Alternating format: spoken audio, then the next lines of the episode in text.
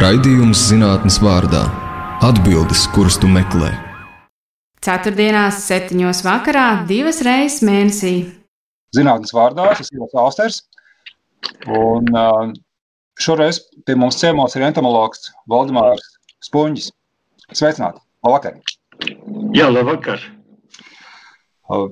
Uh, Entomologs un entomoloģija.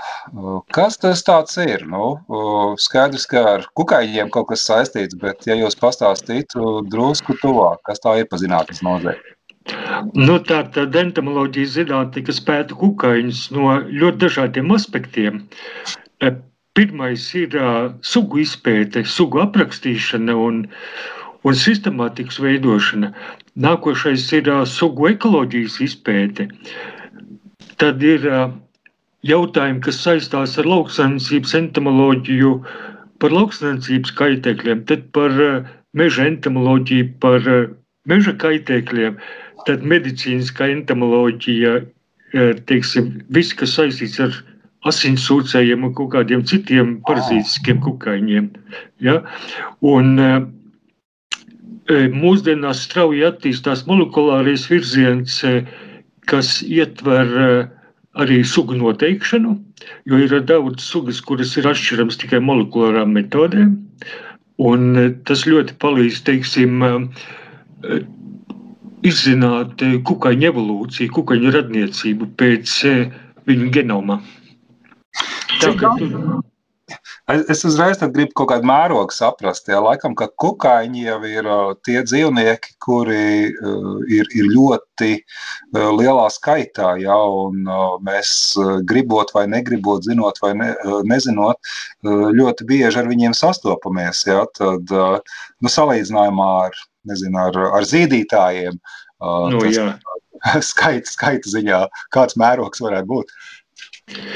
Nu, mērogs ir, eh, ja runājam pasaulē, ir mē, mērams miljonos. Uh -huh, uh -huh. Nu, tagad eh, varētu tā, neviens jau īsti nav saskaitījis.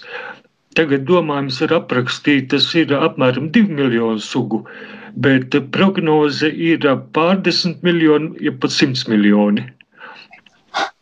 Un, eh, jā, un tas, ja kāds tagad grib students atrast kādu virzienu bioloģijā, kur daudz ko var atklāt, tad entomoloģija būtu tas ļoti produktīvais. Ja? Nu, tur ir ļoti lielas iespējas, ir, bet kā jau jebkurā zinātnē, viņa jāmīl. Ir, jāmīl mhm. savus pētījumu objekts. Ir. Un, ja cilvēki mīl, tad viņiem izdodas. Tā, tā, ir, tā ir tāda lieliska tēze, vai ne? Jāmīl pētījuma objekts, bet cilvēkiem jau reizēm no kukaiņiem ir vai nu bailes, ja, vai, vai, vai dažkārt viņiem ir iebjāstie kukaiņi. Un, un droši vien, ka būs ļoti mazs uh, sugu skaits, kas uh, ļaudīm patīk. Nu, principā vairāk patīk nekā nepatīk. Jo, piemēram, cilvēki priecājās par uh, tauriņiem, spārēm, kamenēm, piemēram, bitēm, tāpat tās. Ja? Nu, vienīgi cilvēkiem var būt mazliet bailes no asinsūcējiem. Ir. Bet, ja mēs runājam par asinsūcējiem, tad Latvijā e, viņi nekādas slimības nepārnes, kas varētu būt bīstamas cilvēkam. Mhm. Tā kad nu, īpaši iemesli baidīties nav. Un vēl viena lieta, ka bailes jau parasti iedzen bērnībā, eh, ja vecāki saka, ka kukaņi ir eh, kaut kādi ļoti slikti, ir, un tad tas paliek uz mūžu. Jūs jau arī ar saviem kolēģiem eh, katru gadu izdomājat, kas varētu būt gadā kukainis vai ne, un, un šogad laikam ir spīļasta. Es, es teiktu, ka mana pieredze ir tāda, ka man bērnībā spīļas no vienas puses ļoti vilināja. Tas bija kaut kāds ļoti tāds, nu, interesants, līdz galam neizprotams dzīvnieciņš, ja? bet no otras puses man bija liela pietāta, man bija bailes no tām spīļastēm. Nu jā, viņas panāk sevi ar iebiedēšanu. Ja viņi pacīs savas spīles, tad eh, neskatoties to, ka cilvēks ir varbūt mil, miljonus reižu lielāks, eh, iedzen viņam bailes. Bet principā bailes iedzen galvenokārt putniem. Tādā veidā, jā, ar, ar to savu astu nu, pacelšanu. Jā, jā. Un piedāvām tā, tā spīlītas noderēt tēviņiem cīnoties savā starpā. Uh, jā, Ir viens ļoti interesants virziens, manuprāt, par ko es īsti gan neko uh, nevaru pat tādā intuitīvā līmenī, maz ko varētu pateikt, uh, ka entomoloģija arī ir kriminoloģijas novirziens. Uh, ja, tur ir kaut kas saistīts ar kaut ko it kā pilnīgi citu. Ja, nu, pirmā lieta nāk prātā ar medicīnu, tur būtu saprotams, ja šie asins sūcējumi. Tam līdzīgi, bet vai jūs par to drusku nevarat kaut ko pastāstīt arī? Nu, tas, ir, tas ir diezgan rets virziens, tā ir saucamā tiesu entomoloģija. Respektīvi, kuras galvenais mērķis ir nu, siltajā gada laikā, kas pie mums varbūt ir pusgadu, citur ir ilgāk. Ir. Un pēc kukaiņiem, kas ir uz līķa, noteikti, kad ir iestājusies nu, tā cilvēka nāve. Skaidrs. Un tur ir tā, ka uh, kukaiņi tā kā viļņiem kolonizē to līķi, jo līķim ir dažādas sadalīšanās stadijas. Ir, un pēc šiem viļņiem, pēc tā, cik kurai kukaiņu sugai ir nepieciešams ilga attīstība, līdz noteiktai stadijai. Nu, teiksim, kad līķi atrod, ja, tad mēs, zinot tos attīstības ilgumus, varam restaurēt, kad ir iestājusies nāve. Tas ir diezgan sarežģīti. Tas iznāk, ka kukaiņi kalpo par tādu kā tālēnā nozīmē lineāli, ja, ka, nu, nu, mērauklu, ja, nu, vai pulksteni šajā gadījumā, laikam būtu precīzāk teikt. Ka, nu, jā, teiksim, pasaulē kukaiņus ļoti bieži izmanto. Arī Latvijā tagad sāk izmantot, jo Nu, teiksim, bija trīs gadījumi, kuros es arī piedalījos, un vajadzēja pateikt, kad ir iestājusies nāve.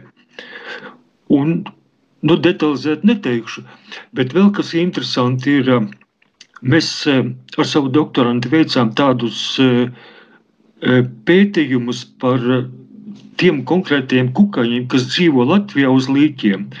Un mēs lauka apvidū izlikām beigtas cūkas, un tad regulāri skatījāmies, kas uz tām cūkām dzīvo.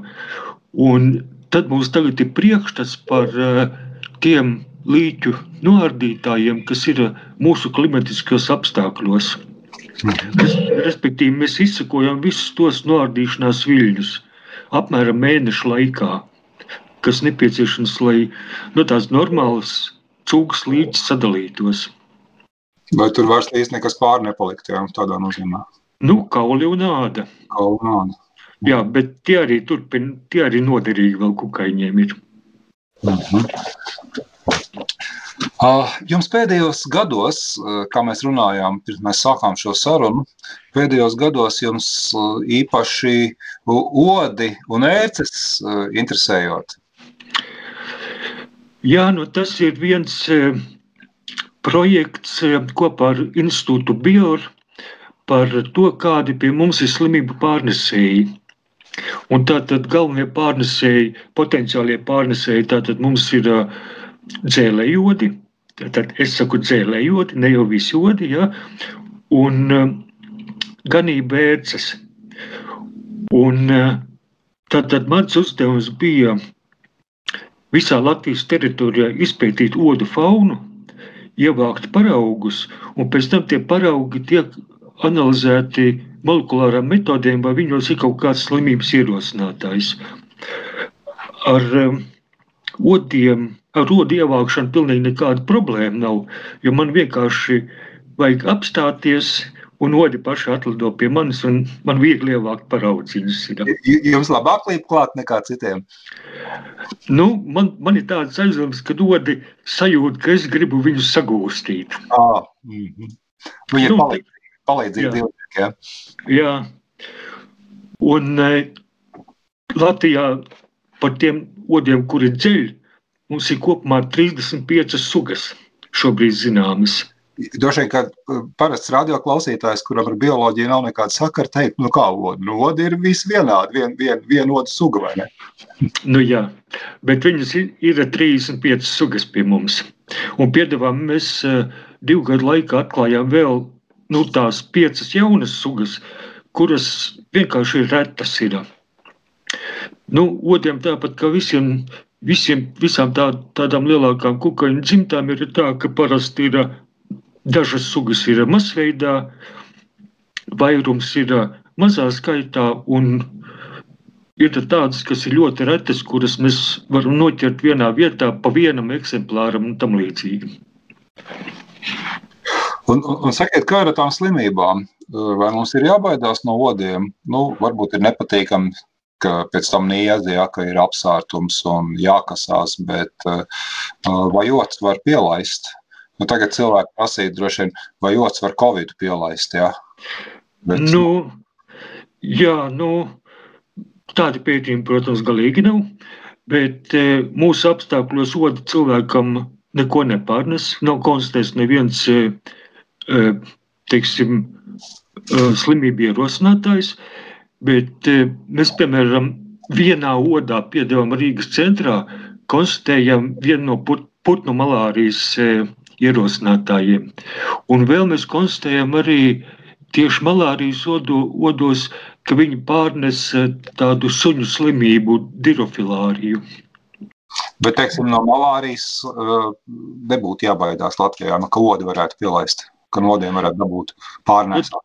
Jā, nu tātad malārijas soda pie mums piedāvām ir četras sugas, ir, viss var pārnēsāt, bet pie mums nav slimu cilvēku, no kuriem viņi varētu pasūkt asins un, un, un kā teikt, dabūt to malārijas plazmodiju. Mhm. Ja nu iebrauc kāds, jā, un tiešām sastopās ar to malārijas sodu, nu tad ir varbūt varbūtība viens pret miljonu, kad kādam citam varētu pārnest. Nu, tā ir ļoti niecīga, protams. Jā, uh, jā. un uh, sakiet, kā ar ērcēm. Tas jau arī tāds ļoti uh, kutelīgs jautājums. Jā. Sarunas sākumā jūs teicāt, ka cilvēkiem vairāk patīk kukaiņi nekā nepatīk, bet no ērces droši vien ir kaut kas tāds, no kā gandrīz visiem būs bailes. Nu, tur jāskatās. Ir. Katrā ziņā divu gadu laikā es esmu ērts kārtīgi iemīlējis. Es, teiksim, esmu izpētījis Latvijā, kā viņas izplatītas, cik daudz, e, kurās vietās, kā, kāda ir ērča ekoloģija, kas viņam nepieciešams, lai viņi kaut kādā konkrētā vietā dzīvotu. Tas ir viens. Un kas ir pats interesantākais, ka pie mums tagad apmēram 20 gadus ir tāda jauna ērce, jauna ērču suga, ko sauc par ornamentēto pļavērci. Un šī ir uh, ienākusi acīm redzot kopā lieliem dzīvniekiem. Lielie dzīvnieki ir ienesuši, un tagad šī ērce uh, strauji izplatās virzienā uz ziemeļiem. Tātad pļavērce praktiski visa kurzeme, visa sēlija, uh, un Latvijas dienviddaļa, tikai viņa vēl nav vidzemē un Ziemeļlatvijā, Ziemeļlatgalē. Bet tas laika jautājums, ka viņa būs arī tur. Un piedāvām šī ērce ir, varētu pat teikt, skaista, raibām kājām, liela, ātra. E, vietām ir viņu ārkārtīgi daudz.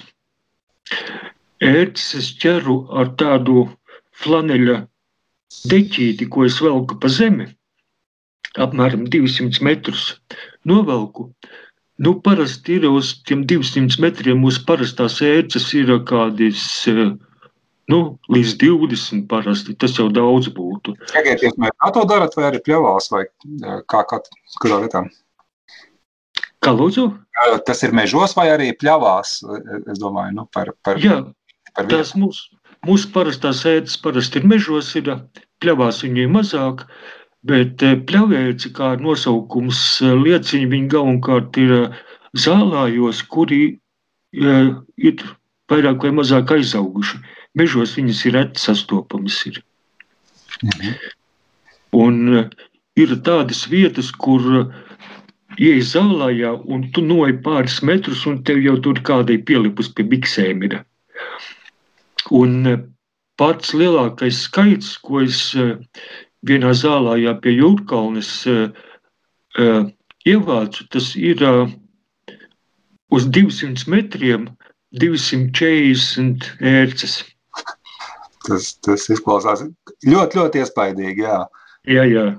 Bet pie biksēm droši vien kāds piecas būtu. Jo... Nu, nu, no tām, teiksim, tā kā es eju deķīti pa priekšu, tad uh, vispirms viņas uz manām biksēm ir un pēc tam pie, de, pie deķīša. Bet šīs ērces ir tās diezgan kautrīgas. Ir, jo, ja viņai pieskarās, viņa piekļauj kājas un eh, nokrīt zemē. Nu, skaidrs. Un, un, un sakiet, kā tur ir tā, tā uh, slimība lieta, jo nu, ērces jau uh, patiešām uh, var būt mūsu saslimšanas, nu, ja ne cēlonis, tad vismaz viens no pārneš, pārnešanas elementiem. Nu, ja, tātad divas mūsu ganība, ganība ērces un, un ornamentētā pļavērce pārnes galvenokārt laima boreliozi un encefalīta vīrusu, bet kas ir interesanti, ka pļavērce viņa ļoti labi pārnes arī suņu babēziju, arī tāds asins parazīts ir. Un pateicoties tam, ka šī ērce izplatās un ir lielā skaitā, tad lielāka varbūtība, ka tā babēzija, kas ir suņiem bīstama, ka tā babēzija, teiksim, nu, ies plašumā. Tā, tā varētu būt tagad trešā slimība, ja palikt aizvien uh, uh, nu, izplatītāk. Nu, tur ir vēl citas, citas uh, saslimšanas arī ir. Mm -hmm. Bet tā, ka cilvēkam uh, tā tad ir bīstamas, bet uh, pļavērce izskatās, ka nav tik bīstama, jo viņai patīk matainas vietas, kur piesūkties, un tad viņi mēģina cilvēkam galvā piesūkties. Es zinu tikai vienu gadījumu, ka bija bērnam piesūkusies, un piedevām viņas lielas, ka, nu, divreiz, trīsreiz lielākas par mūsu parastajām ērcēm, un viņas viegli ievērot ir. Sakiet, tā ir ceļo. Jūs sakat, ka tagad aizvien vairāk uz ziemeļiem Latvijā izplatās. Tas ir ar citiem dzīvniekiem, tā skaitā cilvēkiem, vai viņas arī pašas kaut kā pārvietojas pamazām? Nu, viņas ar savām īsajām kājām nekur tā laišķāpot nevar. Viņas pārnēsā dzīvnieki. Jo lielāks dzīvnieks, jo lielāka attāluma. Un tur ir, piemēram, Viņa, ja ērce sūta dzīvnieku, teiksim, 3-5 dienas, ja, tad dzīvnieks šajā laikā kaut kur ir pārvietojies. Un, un tad, kad, tad, kad ērce pārēdus, tad vienkārši viņa izkrīt no kažoka, un kur nu, kur nu tas dzīvnieks ir bijis, kur viņš biežāk uzturās, tur ir viņa, viņa izkrīt. Un gaida, gaida nākošo upuri. Kā, kā var izvairīties no ērcēm? Jo, nu, atšķirībā no odiem, es saprotu, ka no ērcēm tomēr ir jāuzmanās. Uh, ko vajadzētu likt aiz auss? Ja, kad tu ej pa pļauju vai vēl pa mežu, uh, un, un uz 200 metriem uh, dažreiz var savākt 200 ērces. Ja? Uh -huh. Kā jūs speciāli vācot? Ja? Nu, tagad īsti nav sezona, lai cilvēkiem skaidrotu, bet visdrošākā metode ir sēdēt mājās un nekur neiet. Oh, pilnīgi droši, jā. jā, bet gan jau pavasarī tagad mas, nu, sāksies siltāks laiks, te jau mazs mēdī noteikti e, trobelēs ar, e, ar tām ērcēm. Bet, nu, izvairīšanās, e, protams, pamatā ļoti vienkārši ir skatīties un e, varbūt neiet kaut kur čūkslājos, džungļos un tam līdzīgi.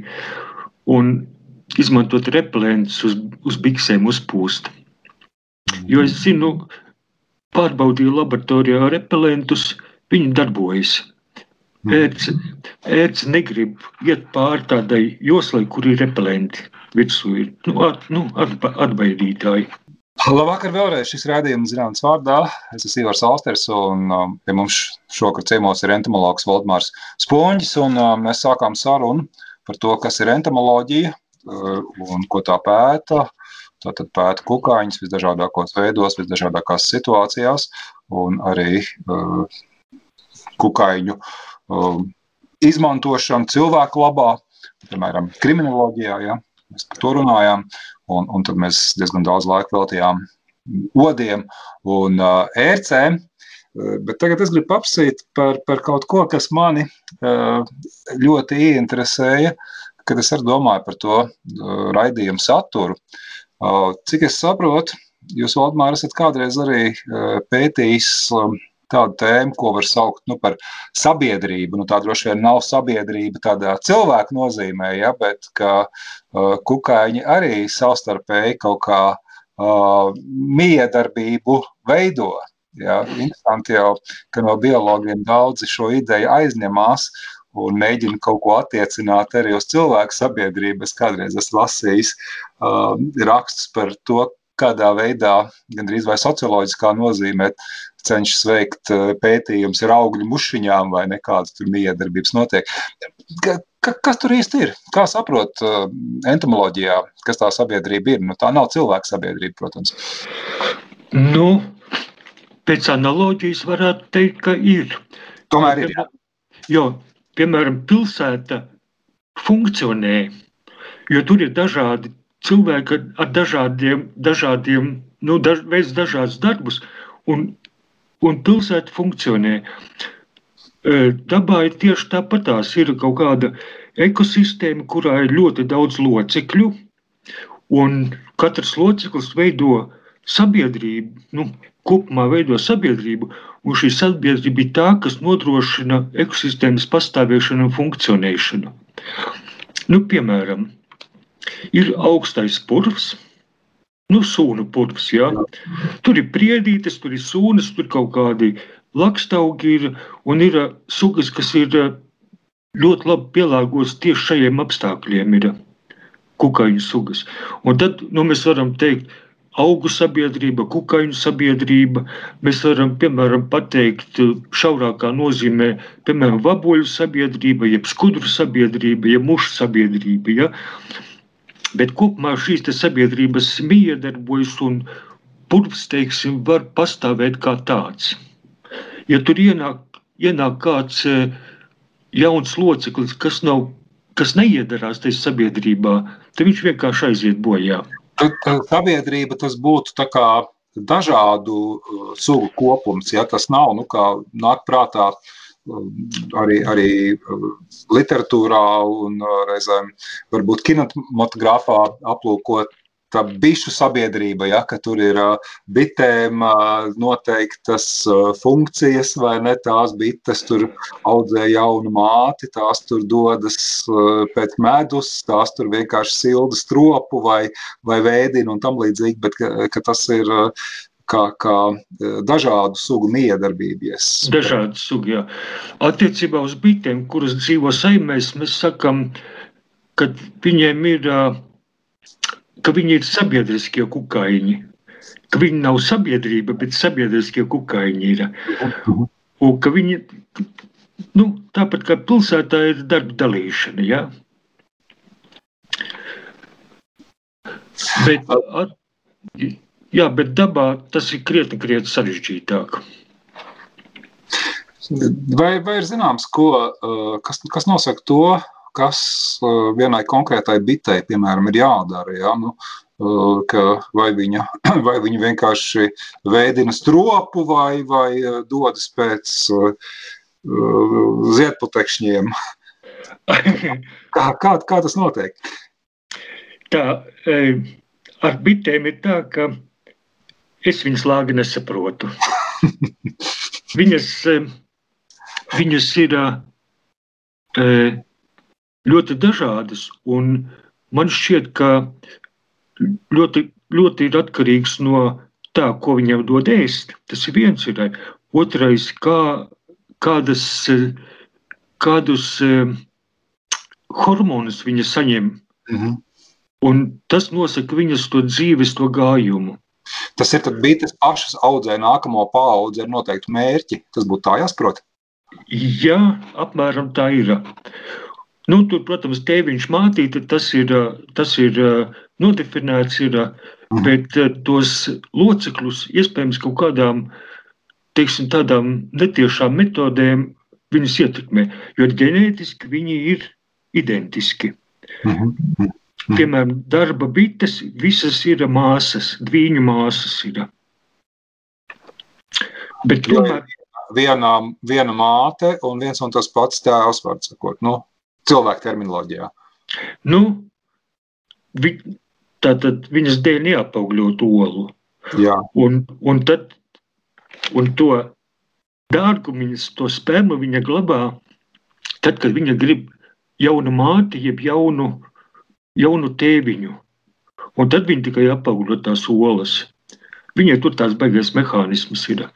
Mm -hmm. Un vēl kas mani pārsteidz vispār kukaiņu pasaulē, ka kukainis izaug no olas, un viņš pilnīgi visu zina, kas viņam dzīvē jādara. Ir. Pilnīgi visu viņš zina. Tur nav nekāda audzināšana, tur nav bērnu vecāku miedarbība kā zīdītājiem. Ja? Jā, tieši tā. Cilvēku bērns piedzimst un viņam visu mūžu jāmācās. Ir. Mācies, mācies, mācies. Ja? Bet viņš ģenētiski jau pilnīgi visu zina.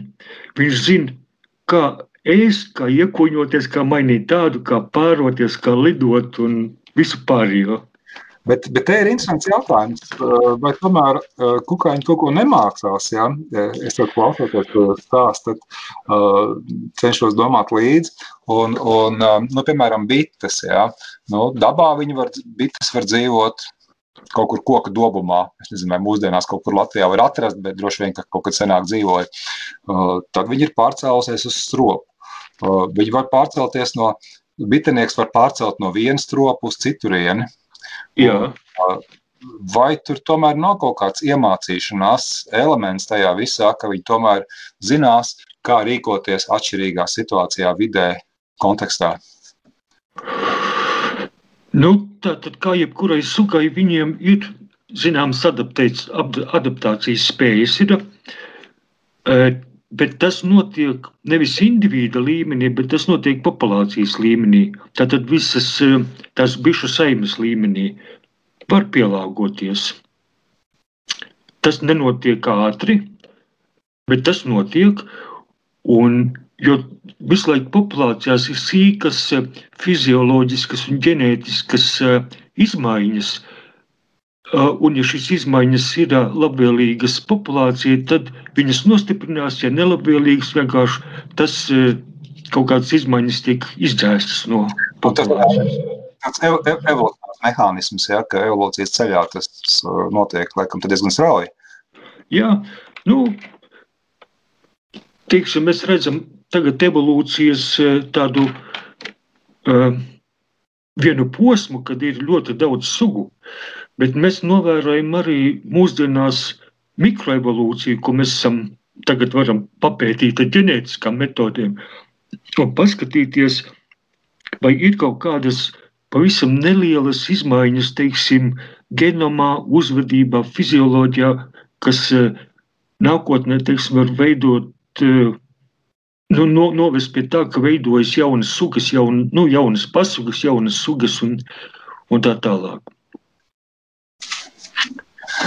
Sakiet, vai, vai e, entomoloģijā mēģina arī saprast, kādā veidā kukaiņiem var izmainīt nu, es lietotu vārdu uzvedība, bet vai, vai kukaiņa gadījumā to var saukt par uzvedību. Tas droši vien ir arī interesants jautājums pats par sevi. Nu, citiem vārdiem sakot, vai vienam kukainim var kaut ko iemācīt? Nezinu, nu, kā, kā dzīvnieku pētījumos, ja, um, iet tikai pa labi. Vai, um, var runāt par kaut kādām izvēlēm, vienalga apzinātām vai, vai um, kaut kādā veidā uh, citu mehānismu noteiktām, ja, instinktīvām. Jā, nu, ar to mācīšanos ir ļoti trūcīgi. Viņiem tomēr ir tie iedzimti instinkti, kurus viņi izmanto, var iemācīt, tādus kukaiņus, kas ir augstāk attīstīti, piemēram, bites, racēlapsenes, kamenes, Mhm. pie, pierunāt pie kaut kādām darbībām. Mhm. Bet tas, tas var notikt ļoti lēnām. Man, piemēram, bija kukaiņu dresēšanas eksperimenti, kad filmēšanas vajadzībām man vajadzēja, piemēram, likt sienās darīt kaut ko. Un to es izmantoju viņa dabiskos eh, instinktus, teiksim, rāpties uz augšu, meklēt, kur siltāka vietiņa un tam līdzīgi. Bet iemācīt viņam, piemēram, lekt no punkta A uz punktu B nevar. Mhm. Tad vienkārši var radīt uh, vīdes situāciju, kas uh, kukainim labāk patīk. Jā, nu, kā jūs Jā, teicāt, jā, augstāk un jā. augstāk patiks. Jā. jā. Mhm. Nu, man, man, piemēram, bija tāds gadījums, ir Molberts, kuram pa diagonāli jānoiet lapsenei, un viņai piedevām jāapstājās ir Mol- Molberta vidū. Un tad dara tā vienkārši no augšas gaismiņu, jo viņai patīk uz gaismu iet. Molberts eh, gandrīz vertikāli, jo viņai patīk uz augšu kāpt, un vidus bija mazliet uzsildīts ar lampu, un tātad lapsena gāja uz augšu, pa diagonāli, apstājās tur, kur uzsildīts ir, un atkal gāja tālāk. Ah, tā kā tur atzīst, tā gāja tālāk. Apmēram tā. Ah, Jā, jā, nu, mhm. Uh, Sakiet, uh, vai kukaiņu gadījumā var runāt arī par uh, kaut ko, ko saukt par personību? Es kāpēc es tādu jautājumu uzdodu? Uh, Pirms gadiem desmit man gadījās būt vienā psiholoģijas konferencē, kur es nejauši ieklīdu vienā sekcijā, kur runāja par personību. Un, uh, kas bija viens no labākiem referātiem? Uh, Tas bija par to, ka viens pētnieks bija mēģinājis attiecināt uh, cilvēku personības iezīmes uz, uz suņiem. Un, uh, viņam bija diezgan sekmīgi rezultāti. Jā. Izrādījās, ka uh, bioloģiski, nu, ģenētiski noteiktas atšķirības, iezīmes raksturo ne tikai cilvēkus, bet tās ir labi raksturo arī nu, viņa gadījumā suņus. Vai kaut kas tāds notiek arī entomoloģijā? Es saprotu, tas varbūt pārāk augstu tveru, bet nu, vai ir izvēle kukaiņiem? Nu, es personīgi uzskatu, ka nē. Attiecībā uz uh, suņiem, nu, zīdītājiem, tur varētu, es domāju, varētu runāt par personības izpausmēm. Jo viņi ir arī ļoti ģenētiski atšķirīgi. Sunis, sunis ir viena suga. Nu, jā. Jā. Bet um, kukaiņiem vienai sugai, ja būs kaut kādas kaut mazākās nobīdes no nu, nelabvēlīgās nobīdes no ģenētiskā standarta, ja, tad viņš vienkārši nevarēs kaut ko izpildīt. Mhm, mhm. Nu, piemēram, piemēram, pārošanās uzvedība, ja viņš iz- izdarīs kaut ko nepareizi, nepareizo sariņu, nekairinās, ja viņam nekas nesanāks. Suņiem, suņiem ir diezgan nu, salīdzinoši lielāka mm, variācija iespējama uzvedībā, jā, un līdz ar to arī tur ir um, attaisnojama jā, šī Jā. Atšķirības. Mhm. Uh, Viens mans kolēģis audzēja kamenes, un viņš teica, es esmu pārliecināts, ka kamenes domā. Jā, Un vēl, vēl viena lieta, un, un kā tā domāšana izpaudās, tas ir ļoti interesanti. Jā. ka viņš, ka, nu, tās kamenes it kā ar viņu kontaktē, ja, it kā labvēlīgi izturās, it kā dara to, ko viņam liek. Bet tas viss bija balstīts uz instinktiem. Un, un otra lieta, piemēram, skudru pūznis. Tas faktiski ir superorganisms. It kā, it kā katra mazā skudriņa neko nedomā, bet tur ir tāds tā kā sabiedriskais viedoklis, ir, ka sabiedriskā viedokļa iespējā katrs dara savu darbiņu un veidojas nu, tas pūznis, funkcionējošs pūznis, nu, respektīvi pilsēta. Tas mani pārsteidz. Un tu, tu, cik, liel, cik, cik lielā mērā var salīdzināt nu, tas, kas pirmā, pirmais nāk prātā droši vien cilvēkiem, ka runā par dzīvnieku kopām, kā par pilsētām, kā par sabiedrībām, kā jūs sakat, tad droši vien, ka skudras un bites būs pirmās, kas nāks prātā. Bites ir līdzīgas skudrām šai ziņā. Par, par pa, pašorganizācijas, nu, atkal droši vien nav pareizi teikt pašorganizācijas, bet um, miedarbības. Jā. jā, viņiem organizācijas principi ir vienādi. Ir. Uh, abiem ir karalienes, ir uh, maikalpotāji, ir uh, karavīri, aizstāvji, ir uh, ventilatori, ir, ir uh, barības vācēji. Nu, darba bites un darba skudras, piemēram. Tas princips ir vienāds. Ir. Šis ir redzējums zināms vārdā, Sīvars Austers, un mēs jau krietnu laiku spriedi esam runājuši ar entomologu Goldmāru Spoņģi par kukaiņu dzīvi. Es varbūt tagad raidījuma beigu daļā gribu pavaicāt jums, kā jums izskatās, kā jūs domājat, kur tālāk virzās pētījuma entomoloģijā. Kas, kas, kas būs tās tēmas, kas varētu kādā pārskatāmā nākotnē pētnie, pētnieks interesēt? Vai, vai to var arī personiski atbildēt, kas jums tagad interesē, ko jūs vēl gribētu izdarīt, paskatīties, noskaidrot? Tā ir grūti pateikt. Man, protams, interesē viss, bet viena lieta, pie kuras es teiktu, tā vairāk pieķēries, tā ir uh, kukaiņu aizsardzība. Teiksim, izpētīt uh, kukaiņu sugas, kādas viņiem vajadzīgas ir prasības aizsardzībai piemēram, tur kādai tauriņu sugai.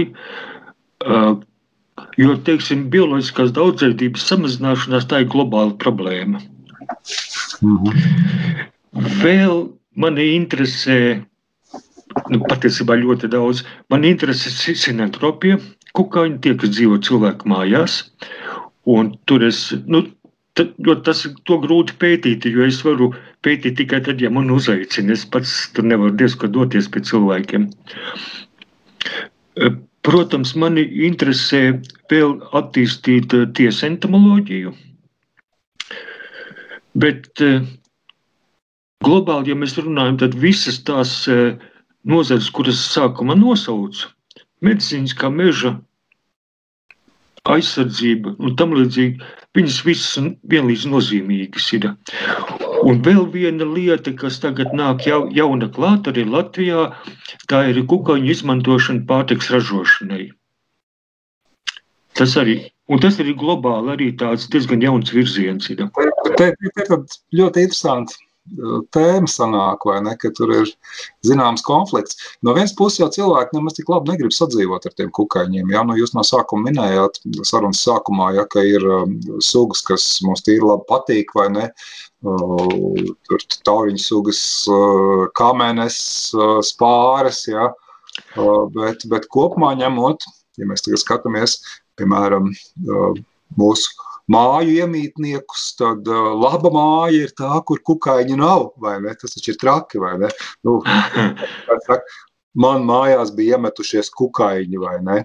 Un, un uh, tas, tas tur kaut kāds tāds diezgan liels konflikts ir, vai ne? Ka cilvēki uz ideālu pasauli skatās kā uz tādu, kur kukaiņi nav. Nu, nu, mājās viņi varētu arī nebūt. Bet, ja mājās ir, ir kukainis, varbūt arī zirneklis, ja, tas nozīmē, ka tā māja veselīga. Ir.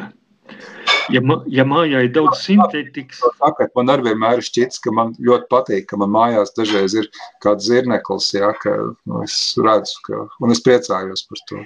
Paldies! Ja, ja, ja ir zirneklis, tas nozīmē, ka viņam arī barība ir. Tikai to varbūt arī neviens neredz. Un mājās ir ļoti daudz tādu kukaiņu, par kuriem cilvēki nemaz, nemaz nezina, ka viņi tur dzīvo. Un viens no tādiem ir tā saucamā grāmatu uts, kas iespējams ļoti daudzos, daudzās virtuvēs dzīvo, bet cilvēki vienkārši to nezina. Un tad tā grāmatu ucēda ne tikai grāmatas, droši vien ar kaut ko citu. Nu, viņa viss pārtiks produkts ēda. Mēs mādē neko, ja? Jā. Saka, kā ir, kā ir ar, teiksim, ar, ar, ar, ar prusakiem, kas kādreiz man šeit bija ārkārtīgi izplatīta suga uh, Jā. mājās, bet izskatās, ka tagad ir mazāk. Es nezinu, nu, redzat, es jau varu paliek vecāks vai ne, un es tik bieži vairāk neklaiņoju pa pasauli apkārt, bet es zinu, ka manos studiju gados eh, gandrīz visiem maniem studiju biedriem mājās dzīvokļos bija prusaki. Ja? Eh, bet tagad es dzirdēju, ka nesot vairāk tik daudz. Kas ir noticis? Nu, tur bija tā. Prusaki komplektā ar blaktīm. Viņu skaits strauji samazinājās 90. gados, jo tur bija daudzkārt problēmas ar apkuri un viņi kā siltummīļi, viņi vienkārši iznīka. Tad e, jaunākajos laikos mājās izmanto daudz sintētiskos materiālus, piemēram, nevis, e, nevis e, koka grīdas, bet laminātu. Uh -huh, uh -huh. Ja ir sintētiskie materiāli, viņiem ļoti nepatīk, jo uz viņiem, ka viņi rāpo, viņiem krājās statiskā elektrība. Uh, un kas viņiem ir grūti cilāt kājas, viņiem kājas līp pie, pie tā materiāla. Vai, vai tā ir plasmas vai lamināts, jeb uh, kaut kas tam līdzīgs ir. Nu, protams, ķīmija, ķīmija arī attīstījās vienlīdz labi. Un es zinu, ka prusakus un blaktis tagad diezgan, diezgan uh, grūti atrast ir. Es, es, es lasīju kādā pārskatā, vienā no žurnāliem, angļuiski. Tas bija populārs žurnāls, kur bija rakstīts, ka Ņujorkā ir pēdējās desmitgadēs ārkārtīgi pieaudzis blakšu apjoms, ka dīvainā kārtā par spīti visām indēm un cilvēku naidam tas skaits ir pieaudzis. Jā, es, es to informāciju dzirdēju. Bet uh, iespējams, ka blakus kā suga arī nestāv uz vietas. Viņa pielāgojas ķimikālijām. Tāpat kā daudz lauks, lauksaimniecības kaitēkļi arī pielāgojušies ķimikālijām. Un, uh, un nu, viņi evolūcionē, cilvēks viņiem palīdz evolūcionēt, izstrādāt kaut kādus bioķīmiskos mehānismus, lai neutralizētu to, tās indes. Un, un sakiet, dabai tas ir zaudējums, ka tagad pilsētās, arī kā jūs stāstat, ir palikuši mazāk trustēji, uh, ka viņu skaiti uh, krāts samazinājies pēdējos 20 gados.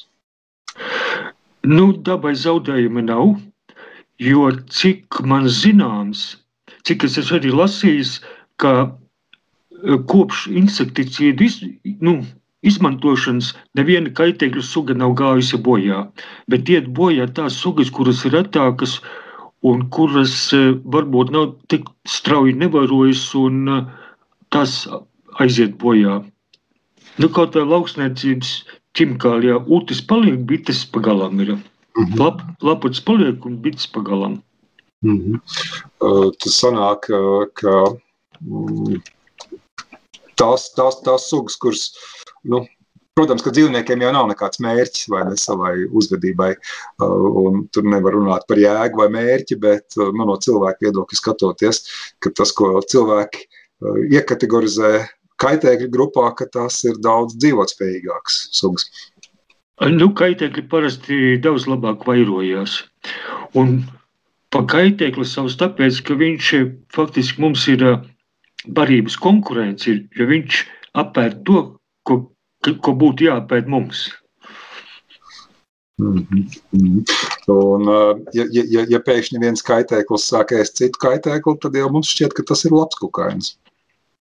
Nu, ir, ir, ir speciāls virziens, ir kaitēkļu, kaitēkļu audzēšana, un tas ir bioloģiskā, bioloģiskā teiksim, kukaiņa apkarošana, ka mēs audzējam tur baktērijas, sēnes, citus kukaiņus, kas ir parazītiski vai plēsīgie, un tādā veidā samazinām uh, konkrētā kaitēkļa skaitu un piedāvām dodam tādu ieguldījumu vidas, vides uh, nu, nepiesārņošanā. Mm -hmm. Sakiet par to ēšanu. Tā arī ir ļoti, ļoti interesanta tēma, ka cilvēkiem ir vajadzīgs aizvietot.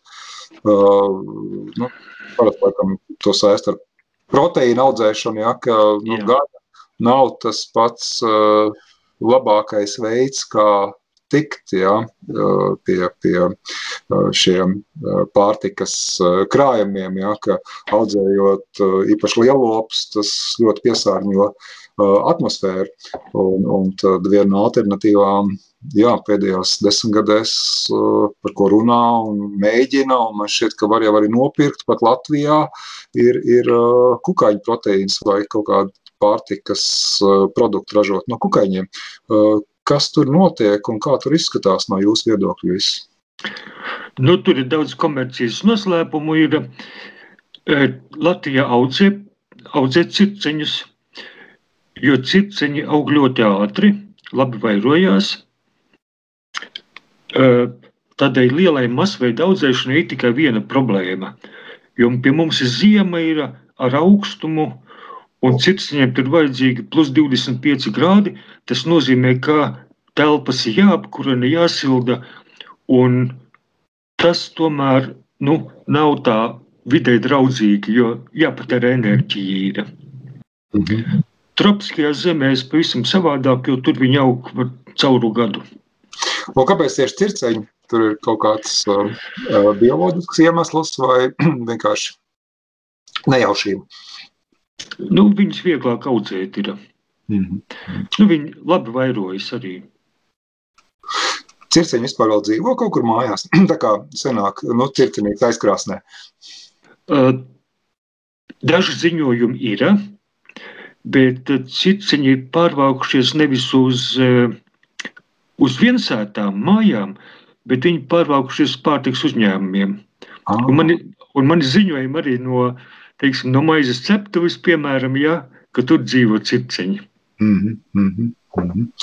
Un, un sakiet, kas, kas, kas vēl ir tās sugas, kas nākotnē, uh, varbūt vismaz zināmā pakāpē mērā varētu aizvietot uh, gaļas patēriņu? Uh, nu, circeņi, jā, kas vēl? Nu, mūsu apstākļos uh, diezgan maz varētu varbūt uh, miltu melnuļu, jeb citu melnuļu kāpuri. Tur tieši kāpuris. Mm -hmm. Tad es, es zinu, audzēju, jā. Uh, patiesībā, ja ir gaļas at, atkritumi jāpastrādā, tad mušas ļoti labi aug. Mušu kāpuri. Mūsu starotājs tur, tur cilvēkiem varētu būt aizspriedumi. Vai ne? Nu, Tircenīts, tas jau tāds māja dzīvnieks, vai ne? Nu, tur nekas traks nav, vai ne? Mūsu arī māja dzīvnieks, bet, nu, nezinu, tur interesanti. Nu, neteiksim, ka pašu mušu ēst, bet ēst viņu kāpurus. Un, protams, tur kaltēts un samalts tā, ka tur līdzība ar mušu, mušu kāpuriem nebūtu. bet tur ir, jā, bet mušu kāpurs daudz izmanto siltajās zemēs, jo tur tā ķēdīte ir eh, ļoti vienkārša. Kaut kādi pārtiks atkritumi, kur dzīvo mušas, un pa virsmu laiž vistas, un tās vistas izknābā tos kāpuriņus, un cilvēks iegūst augstvērtīgu proteīnu. Jā. Uh, Es teikšu jums paldies, Valdemār. Es uh, atgādināšu, ka šodien, šodien uh, zināms vārdā uh, mums bija saruna ar entomologu Valdemāru Spoņģi. Uh, un, un, jā, paldies jums, Valdemār, uh, par, par, par šo sarunu. Man šeit bija ļoti daudz interesants tēmas, interesanti virzieni, kas varētu arī raisīt pārdomas klausītājiem. Vislabāk! Jā, visu labu! Raidījums zinātnes vārdā - atbildes, kuras tu meklē.